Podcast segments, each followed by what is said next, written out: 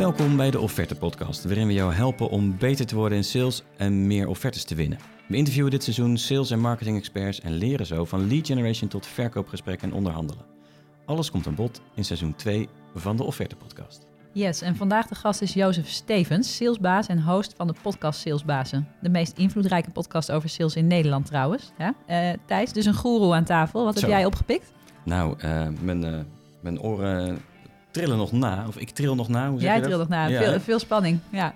Veel spanning, ja. Nee, eh, ik ben eh, gespannen en ontspannen. Er gebeurt van alles in mijn hoofd. Ehm, dus ik heb veel takeaways. Maar als ik even denk van nou, wat is me het meest bijgebleven... is eigenlijk normaliseer en versimpel. ja, ik ken het begrip tension management nog niet. En ik ben echt wel onder de indruk van de resultaten die je ermee kunt bereiken. Dus ik zou zeggen, veel plezier met luisteren naar dit mooie interview met salesbaas Jozef Stevens.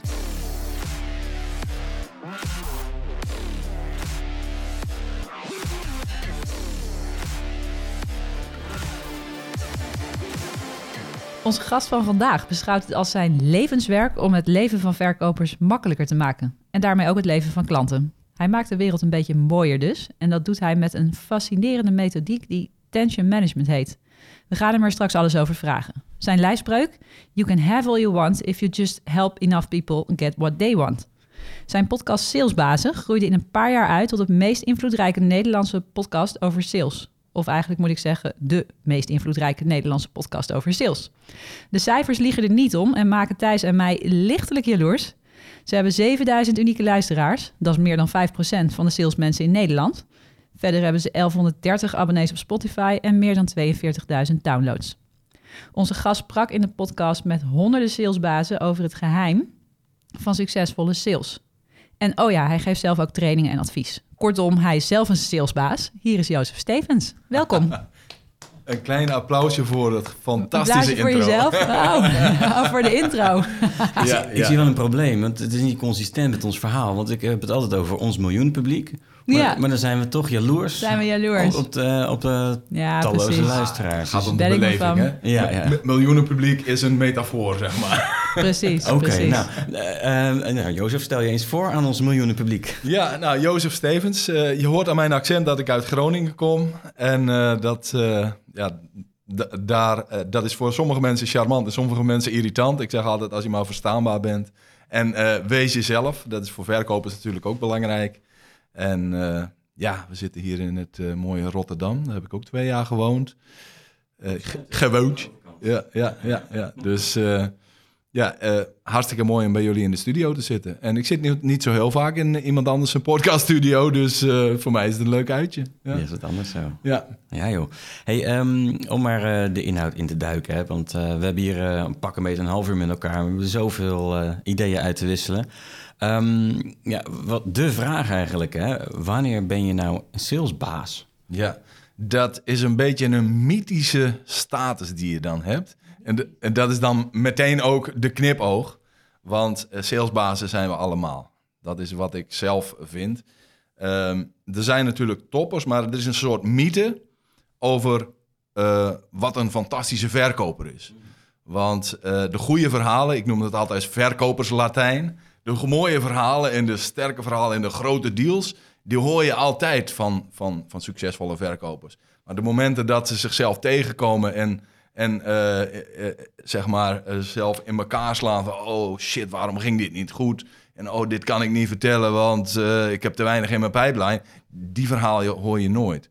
Met andere woorden, iedereen is, is, is een salesbaas die hoge productiviteit draait op deals, offertes en ook gesprekken, netwerken.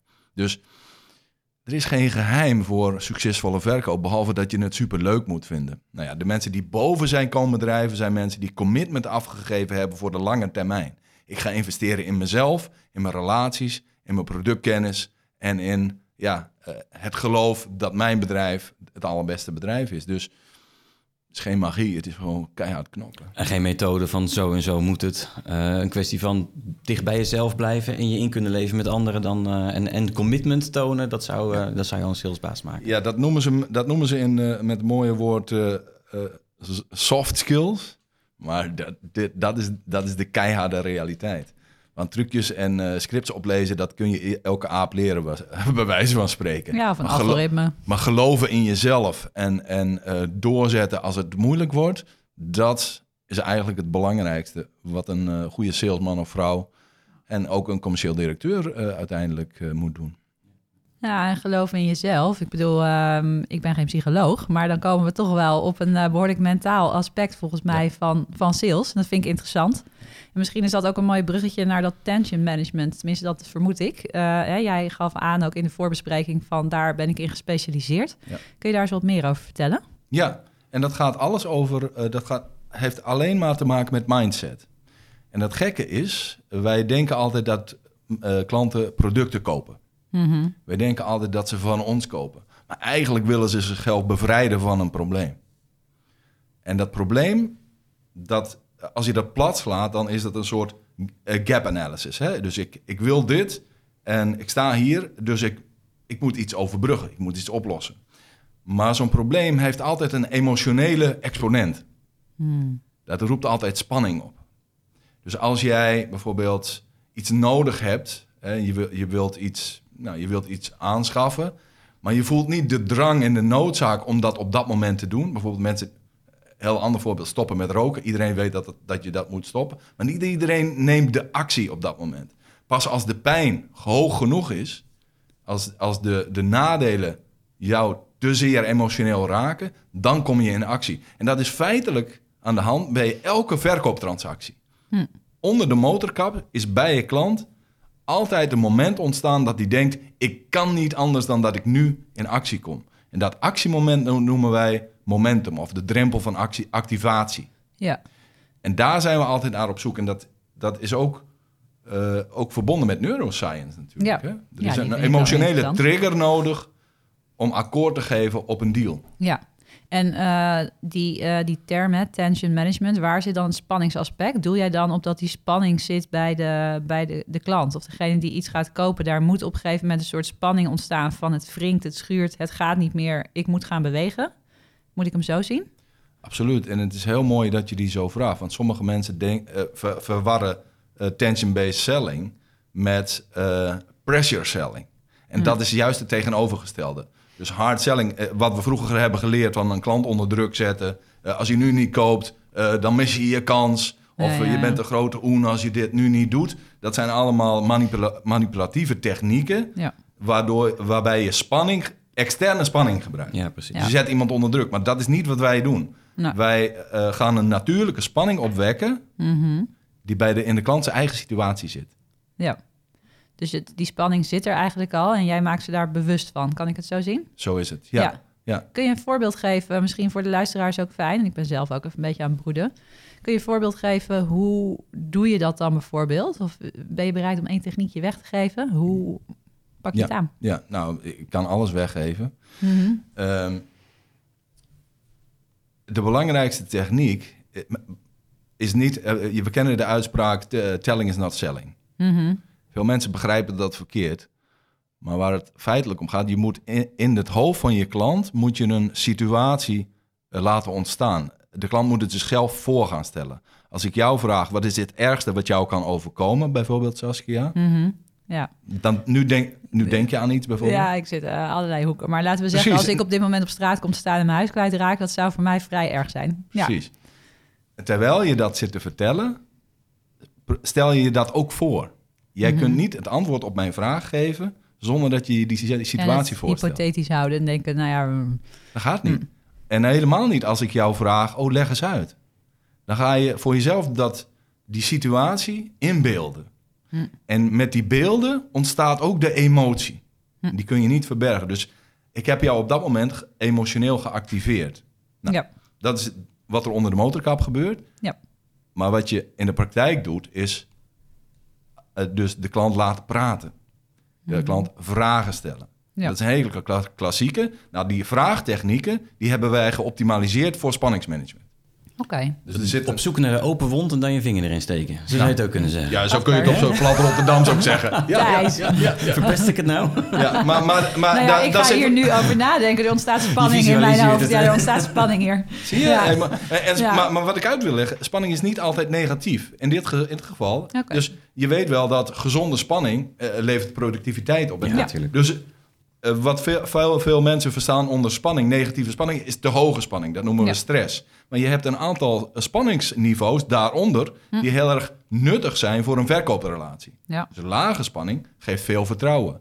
Maar er is één punt, specifiek punt waar we naar op zoek zijn, die zorgt voor een gezonde actiestatus. Ja. En, en ja, dat is magie. En dat voel je. En zo werkt het ook. En zo kun je een salescyclus, een, een salesproces, enorm eh, eh, verkorten. ja, mooi. Want heel veel consultative selling methodieken gaan op zoek naar... oh, wat heb je dan precies nodig? En hoe zullen we dat eens aanpakken? En oh, wat is het probleem? Nou, dan kunnen we hier eens aan denken. Dus dat, wordt, dat meandert een beetje door tussen... ik heb een probleem, oh, ik kan het wel oplossen. Ik heb een probleem, ik kan het wel oplossen. Zonder dat er een deal ontstaat. Dus als je dat, dat moment van oplossen uitstelt... Ja, eh, tot nadat de handtekening staat... dan is die salescyclus veel sneller afgelopen. Mhm. En begint de klantrelatie veel sneller. ja. En dan ga je er dus, als ik het goed begrijp, vanuit dat mensen gaan bewegen op de, op de spanning en de emotie die ze ervaren. En niet op een soort behoefte van, nou, je hebt me nou toch iets verteld over dat product, nooit eerder bedacht, dat moet ik hebben. Dus, Ja. dus eigenlijk doordat je identificeert waar iemand eh, nou ja, pijn dan zit. Ja. En daar ga je vervolgens eigenlijk eh, op in op een manier dat, je, dat, eh, dat mensen dat eigenlijk emotioneel dieper gaan beleven. Ja. Hoe verkort dat dan het proces? Omdat ze gewoon meer, sneller het gevoel krijgen van... hé, hey, eh, ik, wil- ik moet dit probleem nu oplossen. Is Ja, dat het eigenlijk? Ja. Stel je voor dat je een... Iedereen kent wel de, de, de vervelende software demo. Die duurt te lang. En, en vaak aan het, aan het einde van, van die demo zit iedereen te gapen en te, Ja. op zijn horloge te We kijken. hebben wel alle knopjes en eh, in het menu even be- bekeken. begi- ja. begint ook bijvoorbeeld... eh, een aantal technici beginnen irritante vragen te stellen... want dat doe je als je je gaat vervelen. Met andere woorden, eh, dat, dat veel informatie geven vooraf... levert, frustreert eigenlijk je salesproces. Hm. Dus als je zegt van nou, we moeten eerst aan de slag. Hè? Dit is je probleem, wil je het oplossen, ja of nee? En in hoofdlijnen zegt, dit gaan we doen en zo lo- lossen we het op.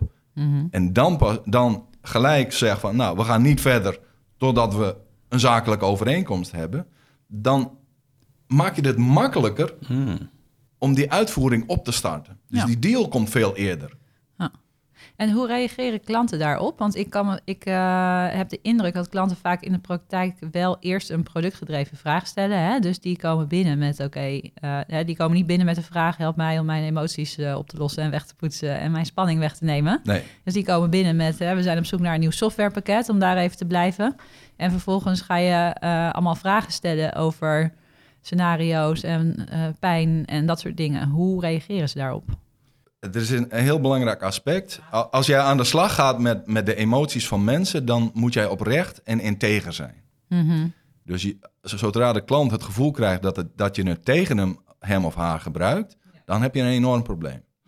Maar als jij het integer gebruikt om de, met als doel, wat je ook in, in jouw introductie zei, Saskia, om de klant te helpen, Mhm. dan gaan ze het ervaren als een zegen. En ik heb een voorbeeld van een van de mensen die ik heb getraind bij, eh, Oké. bij een, een eh, online marketingbureau. Ja. En de dag nadat hij die techniek heeft ge- eh, geleerd, eh, heeft hij me opgebeld. Hij zegt, Jozef, je hebt van mij een soort eh, Star Wars, ik weet niet, hij noemde een Skywalker noemde hij daar. Hij Jedi, zegt, een sales ja, Jedi. Ja, ja, je hebt Ja. van mij een sales Jedi gemaakt. Dankjewel. En, en ik zeg, "Ho- hoezo dan? Ja, hij zegt, ik heb die vragen gesteld. En die man die, werd, die, die raakte gewoon helemaal opgewonden. En die wilde meteen aan de slag met ons. Ja. Zonder dat ik ook maar gezegd had wat we gingen doen. Hij zegt, dus jouw techniek werkt heel goed. Ja. Hij zei, en ik zeg, maar wat is dan een sales Jedi, weet je wel? Ik ken, die, ik ken Star Wars niet. Hij nou ja, dat is een, wolf in schaapskleren, weet je wel. Iemand waarvan ze niet verwachten dat, ze, dat, dat hij iets eh, eh, belangrijks voor je kan doen. Maar toch ondertussen heb je iets belangrijks gecreëerd. En de reactie van de... En toen vroeg ik hem, wat zei de klant? Wat was de reactie van de klant? Hij, hij zegt, de klant zei tegen mij... Ik heb nog nooit nagedacht over dit, dit probleem. Ik ben je zo dankbaar dat je me hierbij helpt. Want ik dacht dat ik het zo op moest lossen... maar jij hebt het probleem werkelijk boven tafel gekregen. Oké, Dus, mooi. en en dat, is, dat, is, dat is de regel en niet de uitzondering. Elke klant die dit goed die dit ervaart van een goede verkoper die tension management gebruikt, Ja. heeft het gevoel: deze persoon begrijpt mij, helpt mij en lost mijn probleem echt op. Zonder iets te hoeven ja, pushen. Ja. Hey, en zo, zo manage, manage je dus de tension bij een klant. Ja. Maar ik kan me voorstellen dat je ook als eh, verkoper bepaalde tensions ervaart. Ja. Ik had En- precies en- dezelfde en- vraag, Wat een goede vraag. Het lijkt, wel als, resumeren? Ja, het lijkt wel of jullie het goed voorbereid hebben. Ja. Bijna Nou, denken. dit, dit aspect niet, maar inderdaad, werkt het ook de andere kant op. Nee, want, want, Ja. want dat is de andere kant van tension management. Eh, en dan moet ik even een anekdote vertellen. Eh, ik train mensen in telefonische acquisitie. Mhm. En een van de problemen bij telefonische acquisitie is dat eh, de andere kant van de, eh, van de lijn het als irritant ervaart. Een heigerige verkoper, iemand die wil pushen. En dan kun je mensen wel leren om eh, vragen te stellen en eh, open te, te zijn. Maar als jouw mindset, als jouw spanning te hoog is bij die activiteit, ben je niet meer in staat om naar iemand te luisteren. Mhm. Dat is een mentale reactie op een te hoge eh, reactiestaat, een te hoge spanning. Dus als jij als verkoper met een hoge spanning of zeg maar hoge energie binnenkomt bij een klant, ben je niet meer in staat om te, te observeren en te luisteren. Terwijl dat de eigenschap is die je nodig hebt in het begin van een verkoopgesprek. Met andere woorden, die, eh, die spanning moet je, je moet eigenlijk je eigen spanning omlaag brengen om open en snel connectie te kunnen maken met nieuwe klanten. Ja. Dus dat is één aspect. En we hadden het in het begin over wat is een salesbaas. Toen zei ik dat gaat over de mindset. Met andere woorden, je moet in jezelf geloven. En nu ga ik iets vertellen wat bijna niemand snapt. Daar komt hij. Goeie trigger. Dus ons onbewuste brein is helemaal alert. Insert sample hier. Ja. Oké, Nou, nou, ik heb, mijn tijd is voorbij. En Wat gebeurt Ja. er als ik het niet vertel? Oh, nee, maar ja, het is echt heel spannend. word je misschien wel nog een keer uitgenodigd. Zo is het. Ja. Ja. Nou, dan heb je het een beetje ervaren. Nee, wat, wat, ik, wat veel mensen niet beseffen, is dat zelfvertrouwen niks te, te maken heeft met wie je bent en welke skills je hebt. Zelfvertrouwen is een mindset. En als jij eh, gespannen bent, of opgefokt, of ehm, eigenlijk te hoog in je spanning, dan daalt je zelfvertrouwen. Met andere woorden, als jij je eigen spanning kunt verlagen op de meest stressvolle momenten, bijvoorbeeld bij bezwaarbehandeling of bij als je een presentatie moet geven, als jij dan in staat bent om je eigen spanning onder controle te brengen, ge- ga je veel meer in jezelf geloven. Mhm. Ja. En hoe doe je dat? Daar heb ik een aantal technieken voor. Mhm.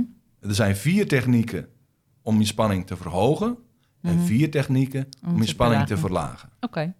Oh, wow. En, en, de- eh, dat zou ik wel willen vertellen, maar als je, de- als je deze podcast luistert en je wilt dat echt weten, stuur mij dan een bericht. Stuur me even een bericht. Maar dat is, geen, dat, is geen, Ja. dat is geen sales trigger. Maar dan ben je zo diep in dat onderwerp dat ik het je Ja. uit moet gaan leggen. Ja. Ik, eh, zal ik er eentje voorleggen hoe ik het doe? Nou, Eh, als, het, als ik iets spannend vind, dan ga, heb ik, eh, dan ga ik het downplayen. Eh, dus dan zeg ik bijvoorbeeld voor een presentatie, zeg ik van, nou, weet je wel, eh, kom even een verhaaltje vertellen of zoiets. Terwijl het misschien wel iets is waar ik dagen of weken lang mee bezig ben.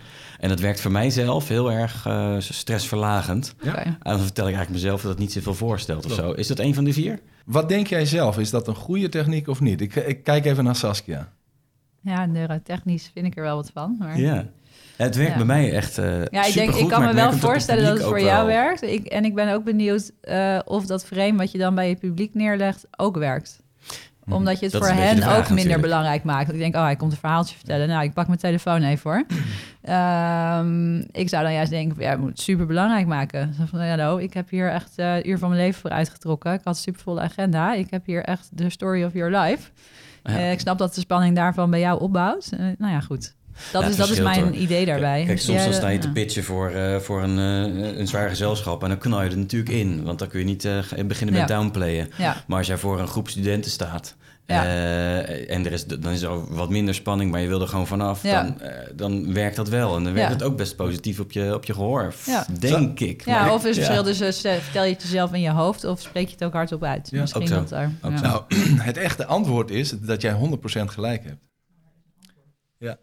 Eh, dat klinkt namelijk, daarom stel ik de vraag, wat denken jullie? Dat werkt namelijk contraproductief. Maar dat is, dat is de eerste techniek van spanningsverlaging, is eh, de norm bijstellen. Dus de verwachtingen van jezelf, de lat, minder hoog leggen. Ja, ja. En het resultaat is dat je spanning daalt en dus je prestaties worden verhoogd. Zeker. Want met een, la, met een hogere spanning kun je je hersens minder goed gebruiken. ja.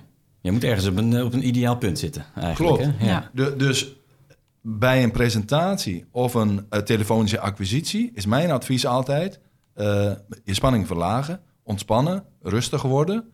Want je, de natuurlijke reactie op dat soort activiteiten is al hoge spanning. Dus als je dan zelf je spanning ietsje verlaagt, kom je in een hoog productieve staat. Ja. En een hoog intelligentieniveau bereik je dan. Ja, ja. Ja. en ik herinner me van eh, tijden dat ik bijvoorbeeld eh, wat meer koude acquisitie deed. In tijden van crisis 2002 of zo. Denk ik, ja, ik moet toch klanten hebben. Aha. Dat je echt in het begin echt denkt van, oh, ik ga het echt niet doen. Ja, Ik, ja, ja. eh, weet je wel, kan Ja. iemand de stroom eraf halen of zoiets. Eh, en maar dat het na drie belletjes, Ja. dat je een beetje inkomt. En Dat wel op een gegeven moment denk je van, "Wauw, het vreet ze allemaal op, weet je wel. Dat, eh, Du- Dus de lat niet te hoog leggen. En een andere techniek, en die heb jij net ook beschreven. Nou, Mooie, Thijs, mooie uitleg. Helemaal onbewust bekwaam jij. ja, dan- onbewust bekwaam, dat, Ja. eh, dat vat mij samen, ja. Ja. De- zal ik hem uitleggen? Ja, graag. Dat is eh, versimpelen. Dus in, in stukjes eh, verdelen. Mhm. Dus als jij een grote taak in kleinere stukjes verdeelt, het neemt daar ook bij je spanning af. Dus bij telefonische acquisitie zeg ik vaak, je hoeft geen eh, deal te sluiten aan de telefoon. Hè? De meeste eh, telefonische verkopers eh, die ik train, moeten vooral een afspraak maken. Of eens een keer een verkennend gesprek voeren. ja.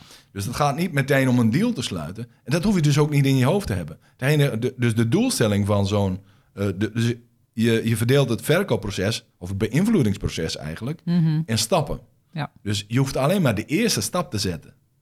En daarmee neemt ook je eigen eh, controle toe over dat gesprek. Dus Beetje chunken. Nou, precies, of in stapjes verdelen, of inderdaad zeggen van nou, ik vind het al mooi als ik vandaag twintig mensen aan de lijn heb gehad en een ontspannen gesprek heb gevoerd. ja. Want dat leidt vaak tot de afspraken die je wilt. Ja, ja. Dus, dus dat versimpelen is een tweede techniek. Ja. ja. Nou, goed bezig, Nou, zal ik, zal, ik Ja. dan, zal ik dan ook de twee andere technieken maar uit? ja, we zijn Ja, nog heel helft, even. joh. En dan Ja. daarna dan, eh, wil ik het ook nog even over offertes hebben. Want eh, het is natuurlijk wel een Ja, offerte-podcast. hè. maar we ik, ik, achteraan. ik, ik hang aan je lippen, dus Ja. eh, Ja. nog twee. Ja, Ja. graag. He- Heel simpel. Eh, de eerste is eh, eh, normaliseren, dus de lat lager leggen. De tweede is versimpelen, dus in stapjes verdelen. De derde is eh, hulpmiddelen herstellen. Dat wil zeggen, jezelf even moet inpraten van ik kan dit wel, ik heb dit al vaker gedaan. Mhm. En de derde is hulpmiddelen toevoegen. Dus hulp zoeken, resources, boeken lezen enzovoort enzovoort. Dus dat Ja. zijn eigenlijk de vier Ah, ja. Ja, spanningsverlagende technieken. Ja. Mooi. Ja. Hey, en als mensen meer willen weten over dat tension management, hè, ze kunnen sowieso bij jou terecht. Daar gaan ze- zeggen we straks ook nog even wat over. Zullen we ook in de show notes zetten. Ja. Eh, is er ook een soort eh, founding father van de tension management, als je erover wil lezen bijvoorbeeld? Ja, dat klopt. Eh, mijn leraar, waar ik het persoonlijk van heb geleerd, is T. Falcon Napier. Hij heeft een website, de, eh, van, eh, even kijken hoe, wat de URL is, productivetension.com. Eh, hij heeft mij alles geleerd. Eh, hij is nu met pensioen. En eh, in het Nederlands ben ik de enige die dit onderwijst. Mhm. Dus vandaar dat het voor mij belangrijk is om heel veel dingen do- te documenteren van wat ik Ja. doe. En, eh vandaar, en da- daar dat ik ook zeg, als je geïnteresseerd bent, neem even contact met mij op. Ja. Mijn trainingen kun je sowieso raadplegen. Ja. Maar ik heb heel veel achtergrondinformatie Ja. die, die, die, de wereld moet zien. Want in Europa is er niemand die zich met het vak bezighoudt. Fascinerend. En, ja. Ja, eh, want je zei in je introductie, je moet verkopers beter in hun vel laten voelen. Je moet ze gelukkiger maken. Mhm. En dit is de effectiefste techniek om dat te doen. ja. Ja, fascinerend. Ja, hè? Gaat dat zien, mensen? Ja, Zullen we het even thuis brengen naar, naar, naar, naar offertes? Want dat is natuurlijk een, Ja. eh, een, een interessant onderdeel. Zo interessant dat wij er een hele podcast en ongeveer ons leven eraan wijden. Oh, ja, passie. Ik, hoor, ik hoor passie. ja.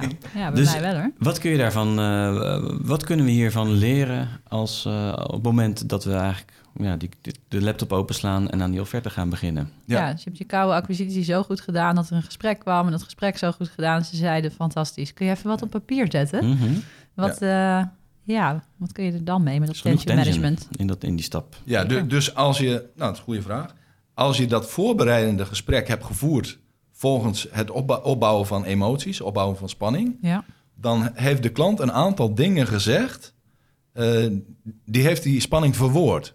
Dus Mhm. als ik vraag, wat gebeurt er als je je mensen niet eh, traint voor het eind van het jaar? Dan zegt die sales manager bijvoorbeeld, ja, dan ben ik bang dat de helft weg gaat lopen naar de concurrent. Ja. Hè, dus En die ziet hij dan dus in zijn hoofd het pand uitrennen en eh, dan eh, alles, alles wat hij daarbij voelt. Ja, Precies. En wat is er nou mooier om die uitspraak, die formulering, terug te laten komen in de offerte? letterlijk. Wat, wat, Ja. ge- wat gebeurt er dan? Dan leest diegene leest die bewoordingen van... eh, nou, met, de- met deze training voorkom je dus dat uw mensen eh, weglopen naar de concurrent. Letterlijk. Ik vermijd dat soort gevoelige dingen niet. Nee. Ik, ik gebruik het wel diplomatiek, maar als de klant het heeft gezegd, kan ik het ook zeggen. Ja. En hij leest die zin, dan roept hij diezelfde emotie weer op die hij had toen ik het gesprek met hem Ja. had. ja, en je praat hem niks aan, want hij heeft het zelf gezegd. Zo is dus het. dan, eh ja, dat is dan een belangrijke nuance. Ja. Ja. Want als jij de klant een probleem aanpraat, Hmm. dan komt het over als manipulatief. ja, komt hij boven de waarnemingsdrempel eigenlijk. Van oké, je zit hier gewoon Nee, eh, dan gaat hij je wantrouwen. Dan Ja. ontstaat er relatiespanning. Dus je hebt taakspanning, maar als de, de koper spanning voelt bij jou als persoon, omdat Mhm. je onbetrouwbaar overkomt, man- manipulatief, ontstaat er relatiespanning. Ja. En dat is een killer voor elk sales traject. Ja, ja, eens. Ja. Oké, dus die spanning en alles wat je bij het uitvragen daarvan hebt opgehaald, kun je heel goed terug laten komen in de offerte. Nou, volgens mij eh, zitten we daarin eh, helemaal op één lijn, hè? Ja. Ehm, belangrijk ook voor het ego van die klant, denk ik. Van ik heb je gehoord, gezien, begrepen. Op een dieper niveau. Hè? Dus dat Ja. is interessant. Ja. Eh, zijn er nog andere dingen die, waarmee je tension management technieken kunt vertalen in de offerte? Ja. En, dat, en dan kijk- verwijs ik even terug naar die podcast die ik met jou heb opgenomen. Ja, de Want- salesbaas eh, ja, podcast. da- daarin ja. vertelde jij, mensen zijn niet geïnteresseerd in de belangen van anderen. Mensen zijn primair geïnteresseerd in wat hun situatie verbetert. ja, Dus ehm, je moet beginnen met het uitleggen van het probleem van de klant. Dus, dus Hm. dat eerste moment dat eh, hij, hij of zij de offerte ziet, wil hij zichzelf kunnen lezen. ja, En eh, dat, dat betekent, heel vaak krijgen verkopers eh, het gevoel, ja, ze kijken toch alleen maar naar de prijs. ja, ja. ja. We- als iemand, bezwaar. Ja, Ja. als iemand een offerte krijgt, dan bladert hij meteen door. Ja. naar de prijs. En Ja. veel verkopers denken dat dat altijd zo is. Maar ze zijn zich er niet van bewust dat dat komt door de manier waarop ze de offerte hebben opgesteld. Precies. Ja. Want als, als ik als, als klant, stel voor, als ik een klant zou zijn en ik zou een offerte opvragen bij een bedrijf en die begint met het uitleggen van mijn probleem, denk je dan dat mijn aandacht verslapt? Nee. Zeker niet. Vanaf dat moment begin ik te lezen. Ja, Het is net als een krant of een, eh, een, een artikel eh, op internet waar een goede kop boven staat ja, en wat meteen over een onderwerp gaat wat jou raakt, dan word je gedwongen om te lezen. En Ja. dan ben je niet meer, heb je niet meer de neiging om door te bladeren naar de prijs. ja, En dan krijg je het hele verhaal mee. Maar dat begint bij het benoemen van die klantsituatie en de emotie die die daarbij voelde. ja. Dus jij zegt eigenlijk van, nou, dan is het niet, eh, als ze meteen doorbladeren naar de prijs, dan was, dan was de rest gewoon niet relevant genoeg. Zo is het, zo is het. En ik begin, en dat verschilt per industrie, maar in mijn, eh, eh, mijn branche Hmm. begin ik met Wat is jouw branche? de eh, trainingen. Tra- Oh, eh, ja, waar je zelf in Ja, opereert, ja. ja. Hm. De sales training of eh, iedereen die bijvoorbeeld recruitment of echt alles wat adviserende aspecten heeft, Ja, dan begin ik niet met het product. Dan begin ik met het probleem. ja, En niet met ons bedrijf, wat jij ook zegt, maar met jullie bedrijf. Dit willen jullie bereiken. Ik zal even de vijf onderdelen uitleggen die ik in elke offerte benoem. Eh, situatie, doelen, obstakels, oplossing en waarde. Mooi. En dat is een, dat is een opbouwende reeks van, eh, van, qua spanningsniveau. Dus de situatie is eigenlijk alsof je een film bekijkt. Ja, dus je bouwt de spanning in de offerte ook op. Het is ook een soort tension eh, Ja. management Ja, ja, in de structuur. Klopt. Ja. En, en als je naar, naar het script van een film kijkt, begint het altijd met een soort eh, shot van de ho- horizon van een stad. Je gaat altijd de karakters eerst leren kennen. Dus de klant leest, oh, dit ben ik. Dit gaat over mij. Dit is mijn bedrijf. En dan ga je de doelen omschrijven die die klant wilde bereiken. Dus ze, ze hebben een missie, bij wijze Ja. van spreken. Als je naar een actiefilm kijkt bijvoorbeeld. Er moet ergens nog iets misgaan in een film. En dat zijn de obstakels. Ja. Precies. En als dat de obstakels zijn die dat bedrijf kent, dan, dan krijg je dan krijg je, hoe noem je dat? In een film, suspense, weet je wel? Dan krijg je, ik wil nu weten wat er gaat gebeuren. En dan heb je ook Ja. de lezer van een offerte geboeid net alsof hij naar een spannende film zit. Ja, met een Ja. happy end. Met een happy end. En, maar dat happy end krijg je alleen maar als je, als je de handtekening zet. Als je een handtekening zet. Zo, ja. Nou, maar hier, dat vind ik nog wel een interessante. En ehm, misschien nog even als laatste vraag. Ehm, want ik spreek veel mensen die offertes maken, die zeggen: ja, ja, offerte maken. Weet je, je bent pas echt een baas, een salesbaas, als je gewoon een deal kunt closen in het gesprek. Dus eh, wij maken helemaal geen offertes. Ja. Hoe kijk jij daarnaar? Nou, ik heb, ik, ik heb diezelfde overtuiging. Eh, maar er zit wel een nuance in. Eh, omdat ehm, als jij een intensief sales traject hebt met meerdere contactmomenten, dan, dan heb je de mogelijkheid om alles van je klant te weten. En dan, dan, dan zeg je, gezien jouw situatie, gaan we het zo aanpakken. 1, Mhm. 2, 3, 4, kost je 80.000 euro. Maar dan heb je wel meteen je personeelsproblemen opgelost. Wat vind je daarvan? Vind je dat goed? Nou, als hij dan commitment geeft, mondeling, dan Mhm. weet je, oké, dan is dat mijn offerte. Ja, Dus de, maar dat is niet altijd mogelijk. Hè? Maar ik ben het wel mee eens. Als, het, als, het, als je ertoe in staat bent, close, eh, krijg eerst commitment op de inhoud van je oplossing Ja. aan tafel. ja, Voordat je een offerte maakt. Want eigenlijk is dat de afronding van je gesprek. ja. Van maar de je maakt hem nog wel. Of zeg je van, nou ja, eh, eigenlijk als zij gewoon, ja, eh, als zij gewoon hebben gezegd, ja, dat vind ik goed, 80k, geen probleem, personeels-issue opgelost. Ja. Eh, hoef je dan helemaal geen offerte meer te maken, stuur je een opdrachtorder en eh, klaar ermee. Dat is een goeie. Eh, dat ligt eraan. Als ik met één persoon eh, een gesprek heb, dan kan ik dat inderdaad via de e-mail Mm. eh, een bevestiging sturen. 80.000 euro hebben, wil je een juridisch document met Ja. de voorwaarden. Dus dan wel. maak je sowieso een offerte. Hm. Maar ehm, als het om kleinere bedragen gaat, dan kun je gewoon via de e-mail zeggen: Oké, je komt dan en dan langs met drie man een workshop voor, twe- voor eh, 2K. Eh, zeg maar even dat het akkoord is. Ja. Dus dat, Nou. dat is het probleem niet. Het probleem ontstaat als je een meerkoppige DMU hebt. Ja. Als je er meerdere. eh, Decision als er making, meer, eh, unit, Ja, ja. als er, meer, als als er meer mensen in het beslissingsteam zitten, dan heb je dat document nodig om ze te overtuigen inhoudelijk. Ja. Dan, ga, dan gaat die offerte een belangrijke rol spelen. Ja, Ja. dus ik kan me voorstellen dat de, de offerte eigenlijk eh, nou ja, langer wordt. Dat je meer dat hele verhaal met suspense en alles eh, optuigt. Ja. Naarmate de DMU eigenlijk complexer wordt. Maar misschien ook wel naarmate er meer concurrentie nog speelt. Hè? Want dat, Ja. ook als je een goed gesprek hebt Ja. gehad, kan er nog altijd concurrentie Ja, spelen. ja. En, en dat heb je bijvoorbeeld bij aanbestedingen. Hè? Dan heb je dat voortraject, als, het, als je een goede accountmanager hebt, weet hij al de ins en outs van de organisatie. Dan kun je iemand zijn emotie al een beetje inschatten. Dat is een langer traject, maar anders hoef je niet aan te besteden als je die achtergronden niet kent.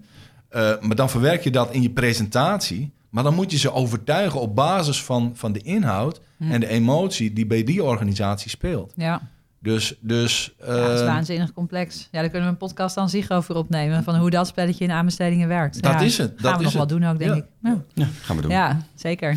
Hey, en eh, nog even ter afsluiting. Als jij in je glazen bol kijkt. eh, we zitten nu eh, voor de mensen die dit eh à la minuut eh, gaan luisteren eind eh, 2022.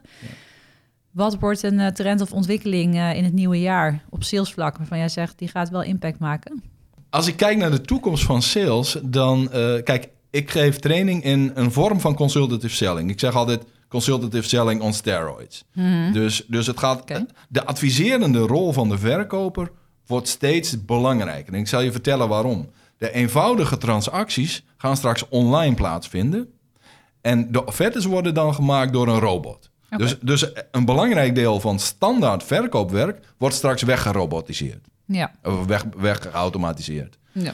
Ehm, dus ik zie aan de ene kant een ontwikkeling van eh, AI-teksten en eh, automatische processen voor producten die iemand toch wel nodig heeft en waar je een standaard eh, pitch voor kunt schrijven. ja. Maar de complexere sales trajecten, die moeten nog steeds door mensen uitgevoerd worden. Ja. Dus de skills van die verkopers worden vele, veel anders dan de, de transactionele verkopers wat we vroeger hadden. Ja, dus ook daar eh, refereren naar onze vorige aflevering, waar Fedor natuurlijk ook het een en ander vertelde Ja. erover. AI, ja. Ja, je ziet bij dat kunstmatige intelligentie een, een grotere rol krijgt. En dat is natuurlijk niet alleen bij aanbestedingen zo, waar we het vorige keer over hadden. Maar ja, het hele offerteproces eigenlijk worden er gewoon stap voor stap steeds meer eenvoudige taken uit handen genomen. En dat is wat we de komende tijd volgens jou ook eh, echt snel gaan zien. Ja, Ja, het- is misschien mooi om nog toe te voegen. Ik heb eh, Peter Exman van, van de Technische Unie geïnterviewd. En hij zegt, zij verkopen eh, elektrotechnische componenten, eh, al- alle onderdelen wat installateurs nodig hebben. En hij zegt, mijn sales-trajecten, eh, gesprekken gaan niet meer over producten. Dat gaat over data. Mm. Hoe zorgen we ervoor dat eh, het bestelproces voor jullie automatisch kan? Ja. Dat, dat soort gesprekken worden op... Dus standaard producten worden straks zonder tussenpersoon verkocht. Ja. ja, past inderdaad mooi bij eh, de uitkomst van eh, onze vorige podcast. Het wordt een combinatie van mens en machine. En eh, wij mogen de leuke dingen doen. En eh, de dingen die eh, makkelijk en transactioneel zijn, zoals jij ze noemt, die kunnen gewoon geautomatiseerd. Ja, Ja. is toch lekker? Dan kunnen we weer een, een menselijk vak eh, creëren. precies. Een beetje spanning creëren en zo. Ja, Oké. ja, ja, Wegnemen toch? Wegnemen, dat is waar, dat dat is is het, ja. waar. hey, de WVTTK. Ja, wat verder ter tafel komt. Ehm, heb jij nog iets ter tafel, Saskia? Nee hoor, ik heb een heleboel op tafel, maar volgens mij... ehm, nee. Eh, ik, ehm, ja, het is, eh, ik zit een beetje, het is een beetje in het verlengde van waar we het over hebben. Ehm, ik zag laatst Studs, eh, is een documentaire slash film op Netflix, vrij, vrij nieuw. En dat gaat ook een beetje over, ehm, nou ja, omgaan met onzekerheden en spanningen. En het is eigenlijk een film over de psychotherapeut van Jonah Hill. Jonah Hill, komisch acteur, regisseur. Ehm, en die eh, heeft een film gemaakt over zijn therapeut. En eh, dat is een nogal bijzondere man die ook een hele toolkit heeft eh, ontwikkeld eigenlijk. die bij mij heel erg resoneerde. Dus als je het hebt over van, hey, soms heb je natuurlijk omgaan met onzekerheden. En dat is een beetje waar dit op aansluit. Dat ik dacht van, hey, ja, stuts, dat is het wel. Dat, ik, ik, Ja. ik ben hem al de tweede keer aan het kijken. En ik denk dat ik hem nog een paar keer ga kijken. Gewoon om, om je bewust te worden van processen die in je hoofd zitten. Hoe je daarmee omgaat. En dat is natuurlijk niet alleen eh, als verkoper in je vak. Maar als, als, eh, als persoon in je normale leven. Dus ik vind het wel echt wel een aanrader die ik Ja. eh, mee wil geven. Leuk. En je bewust worden van die processen in je hoofd. Nou, kijk die documentaire en gooi ik er toch nog even een WVTTK in. Ik ben net terug van stilte mensen. Of ga op stilte Ook superveel inzichten over wat er allemaal in je hoofd speelt. Ik denk al dat het voor een gemiddelde salesmens best eens goed zou kunnen zijn. Gewoon misschien niet vijf dagen zoals ik. Maar eh, pak even een dagje of zo. Dat je gewoon niet gaat praten en kijken wat er dan gebeurt. Wauw. Oké, Joseph. Leuk, leuk, ja. Wat ik nog... eh, ja, ik heb, ik heb geen afronding, want eh, wij blijven met elkaar in contact. En als je deze podcast hebt geluisterd, dan moet je daarna ons volgen op, via social media. precies. Ehm, misschien Hoe leuk... kunnen we je geld geven? Hoe, hoe Ja, dat, dat kan altijd. ja. Eh, ik zou zeggen, het is wel leuk. Eh, we hebben nu de Online Academy klaar. Dus ik had tot nu toe eh, salesbazen. Dat was zeg maar ook mijn bedrijfsnaam. Mhm. Ik heb nu een nieuw bedrijf opgericht. Dat heet Stevens Academy. Mhm. En daar, daar gaan alle trainingsactiviteiten in. En daar kunnen mensen ook online eh, dus training telefonische acquisitie Ja. uitproberen. Dus www.stevensacademy.nl. Oké, En, zetten we in de eh, show notes. En dan kun je Ja. gewoon eh, eens een keer een proefles doen. Dus dat is mijn pitch. Zo kun je mij betalen. Het- Ja, Het zijn geen, geen dure eh, online trainingen. ja. Maar het is voor mij ook bedoeling om die theorie of bij zoveel mogelijk mensen bekend te maken. mooi. Dus dat. En ja, mijn motto is: goede zaken doe je met goede mensen. En Ja. dat, dat vind ik het belangrijkste van ons vak. Moraal en ethiek is gewoon altijd belangrijk. En helemaal in het kader van spanningsmanagement. Maar je, je gebruikt krachtige wapens die gewone mensen niet toepassen. Die moet je ook verantwoordelijk mee omgaan. Goed mee omgaan. With, Ja, with great power comes great responsibility. Responsibility. Nou, Yes. We hebben hem weer. Mooie afsluiting, Thijs. Oké, dankjewel Jozef. Ehm, dit was de Verte Podcast. Als je het nog niet hebt gedaan, abonneer je dan eh, op, eh, nou ja, via welk denkbaar platform dan ook op onze, op onze podcast. Ehm, geef ster- vijf sterretjes waar je kan of een duimpje omhoog. En ehm, wat ik nog even extra wil tippen, de, eh, de offerte podcast alert. Op offertepodcast.nl kun je inschrijven. Krijg je altijd even een mailtje op het moment dat er een nieuwe aflevering is. En kun je weer aan de slag. En we zitten nu toch al een beetje op ritme. Hè? We hebben een beetje ritme te pakken, zo om Ja, de ja. week. Eh, na het wat eh, eh, on- en off ritme van het vorige seizoen. Schrijf je in voor de, voor de alert op offertepodcast.nl. En tot de volgende keer.